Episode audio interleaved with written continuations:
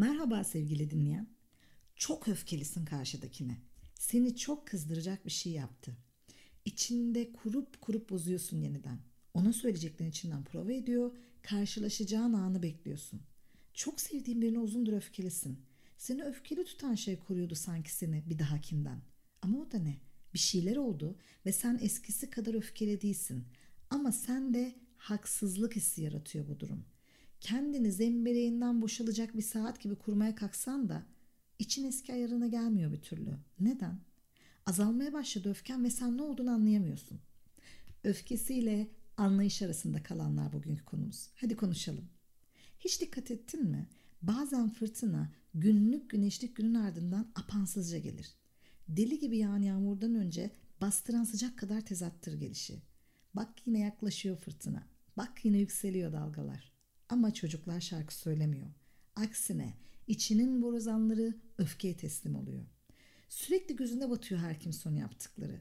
Bencilliği, sarsaklığı, duyarsızlığı, aşırı panik olması, düşüncesizliği, dağınıklığı, uzaklığı, fazla yakınlığı. Artık sebep her neyse sen öfkelendikçe öfkeleniyor, kızgınlığını dizginlemekte zorlanıyorsun. Öfke sahip olabileceğin en insani duygu ve onu bastırmak yerine kesinlikle yaşaman ve boşaltman gerek. Ancak yönetilebilir ve makul sınırlarda.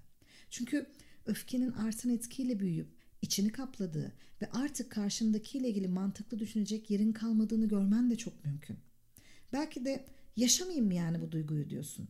Ne zaman duygularını saklaya da görmezden gel dedim sevgili dinleyen. Elbette yaşayacaksın.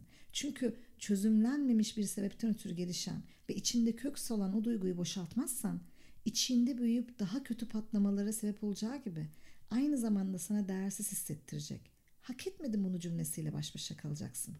Bu anlamda kapsayıcı da bir duygu öfke.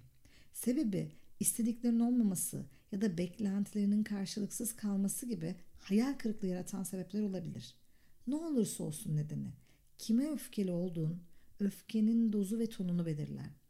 Çok yakınlarında birine bunları hissetmenle hayatından kolayca çıkaracak birine öfke beslemen aynı şey değil. Bir daha göremeyeceğin birine duyduğun öfkeyle her daim etrafında olan kişiye beslediğin kızgınlık arasında oldukça fark var. İlk fark yaratan şu olur. Yakınlık derecene göre anlama toleransın değişir. Çünkü öfkeyle baş etmende sana en çok yarayacak şey karşıdakini anlaman. Ancak anlamak isteyip istemediğin de o kadar önemli fark yaratır ki. Belki de sen anlamak değil, kızmak, kızgın kalmak istiyorsun. Yıkıcı ya da kavurucu bir duygu demeden öfkeni daha uzun süre misafir etmek istiyorsun içinde. Nasıl mı? Genellikle öfke duyduğunda içinde beliren önlenemez duygu ve düşünceler olur. Haksızlığa uğradığın düşüncesi ve çaresizlik duygusu gibi duygular bunlar. Eğer haksızlığa uğramışsan içinin arenalarına bakan tribünlerden can isteyen, kana susamış sesler gelir. Vur, vur, vur şeklinde. Kellesini isterler seni kızdıranın. Bir cezası olmalıdır. Hüküm verilmeli, kalem kırılmalıdır. Yoksa için hayatta soğumaz sanırsın. Olmayacaksa eğer bir bedeli var verilmeyecekse sana karşı öfkeli kalmak istersin. İçinden tezahüratlar yükselir. Çünkü içinin sesi çözüm arar. Buradaki sıkıntı şudur. Öfke seni zehirlerken sen onu devan zannedersin. İçinde seni kaplayan, sağlıklı hiçbir şey izin vermeyen kızgınlığın uzun vadede seni zehirledikçe işte o zaman anlarsın deva olmadığını. Aynaya bakıp yaralarının kabuklarını yolarak tedavi olmaya benzer. Kanattıkça kanatır, kanadıkça alışırsın. Akan senin kanındır ama sen pis kan zanneder, rahatlarsın. Namlusu bozuk silah olur öfken. Kurşun geri teper, sen patlarsın. Peki çok yakınındaki birine öfkeli kalmak seni nasıl yapar? Ben çok haksızlığa uğradım, çok üzüldüm diye düşünüyorsun belki. Misket bombası gibi bir şey öfke. Patladıkça içinden çıkan her bir parça ayrı ayrı patlayıp her yere yayılıyor. Sonra bir sabah uyanıyorsun, patlayacak misket kalmamış. Çocukça direndiğin kızgınlık oyununda tüm misketlerin gitmiş. Sen büyümüşsün. Nasıl oluyor dersin? Karşımdaki aynı ama ben neden vazgeçtim? Sebebi basit. Anladığın birine öfkelenemezsin. Nedenlerini bilirsen anlarsın. Birinin hikayesini bilmek, sana gelene dek teptiği yolda başını vurduğu duvarları, ayağını kanatan taşları, Yüreğini acıtan anıları bilmek nasıldır bilir misin? Canavar sandığın gölgenin aydınlıkta portmantoya ya da ağaca dönüşmesidir. Biraz ışık lazımdır sislerin dağılmasına ve sen ayılırsın. Gözüne baktığın, hikayesini dinlediğin birine eskisi kadar kızamazsın. Öfkelendiğinde içinden amalar yükselir. Hatta garip bir suçluluk bile duyarsın. Zaten istesen de eskisi kadar çöp gibi batmaz gözüne. Birine takıntıları için delicesine kızdığını düşün. Artık zerrece katlanamıyorsun. O seni her düzelttiğinde, her karıştığı durumda, her bulaşma çabasında yangın var diye bağırasın geliyor. Sonra bir gün ofise babası geliyor. 10 dakika izliyorsun babayı ve askeri düzende büyüyen, delicesine katı kurallarla yetişmiş bir çocuk veriyor iş arkadaşın. Buzlu cam kırılıyor ve sen manzarayı tüm açıklığıyla görüyorsun birdenbire. Artık karşındaki deli gibi değil de haklı sebepler olan biri gibi görünüyor gözüne. Çağınırmağın Karanlıktakiler filminde olduğu gibi anne karakterine sinir olur, hikaye ilerleyip de sebebini anladığında az bile yapmış dersin. İzlemeni tavsiye ederim.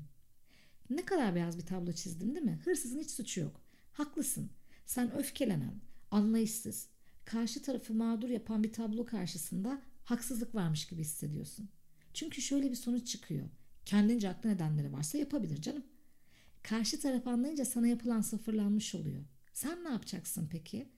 Yılbaşı seremonisinde ondan geriye sayıp hiçbir şeyin değişmediğini görerek elmasından ısırık alan o ruh haline devamlı yaşamak kolay değil.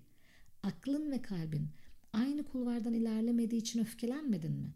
Şimdi her şeyi unutup aklın inandığına kalbini ikna edip yürüyeceksin. Öyle mi? Ya karşındaki bir de onaylanmış hissedip seni zıvanadan çıkaran davranışa aynen devam ederse?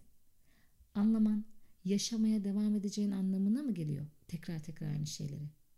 Bence hayır. Birinin nedenlerini anlaman seni öfkelendirmesine izin vereceğin anlamına gelmez. Hatta bir insanın haklı nedenleri olması sana zarar verebileceği anlamına da gelmez. Onu anlıyor, nedenlerini biliyor. Yine de onunla bir arada kalmaktan zarar görüyor olabilirsin. Buna izin vermen gerekmez.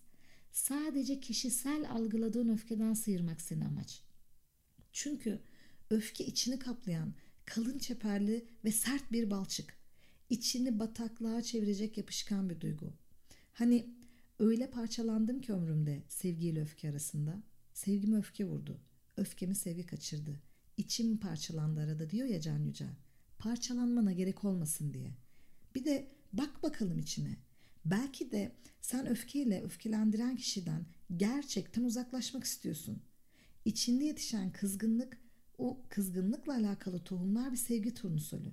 Sevdiğini de kızarsın elbet. Ancak kızdın diye sevmekten vazgeçmez. Onu anlamaya çalışır. Hatta ona çok şık, şahane bahaneler uydurursun. Belki de çabalaya çabalaya tükendin ve vazgeçtin. Kızgınlığını vazgeçişine perdeliyorsun. Anladığın halde sevdiğin öfkeli kalmak onunla ilişkiden kopmanın en kısa yolu değil midir? Sonunda vaat edilmiş topraklardan çıktı ve sevgini kaybetti. Çünkü kızıyorsan umut var. Seni duysun istiyorsun. Ama nedenini bildiğin halde ısrarla öfkeli kalıyorsan gidiş biletini kesmişsin demektir. Belki de öfken karşındakine değil, aynada gördüğün kendine. Düşüncelerle ötekine saldırırken kendine kızdığın şeyi görüp kendine dağıtıyorsun. Ötekine daldıkça kendinden uzaklaşıyorsun olamaz mı?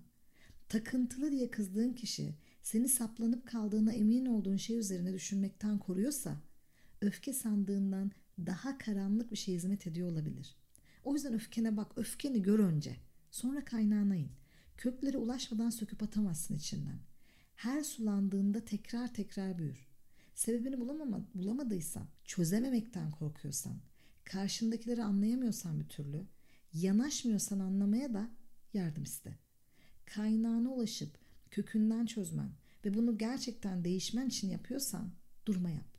Gerçekten o zaman değişip dönüşeceksin. Ha bu arada bitmemişti Can Yücel'in sözleri. Bir de bir gün bir baktım gökyüzüne bir bayram.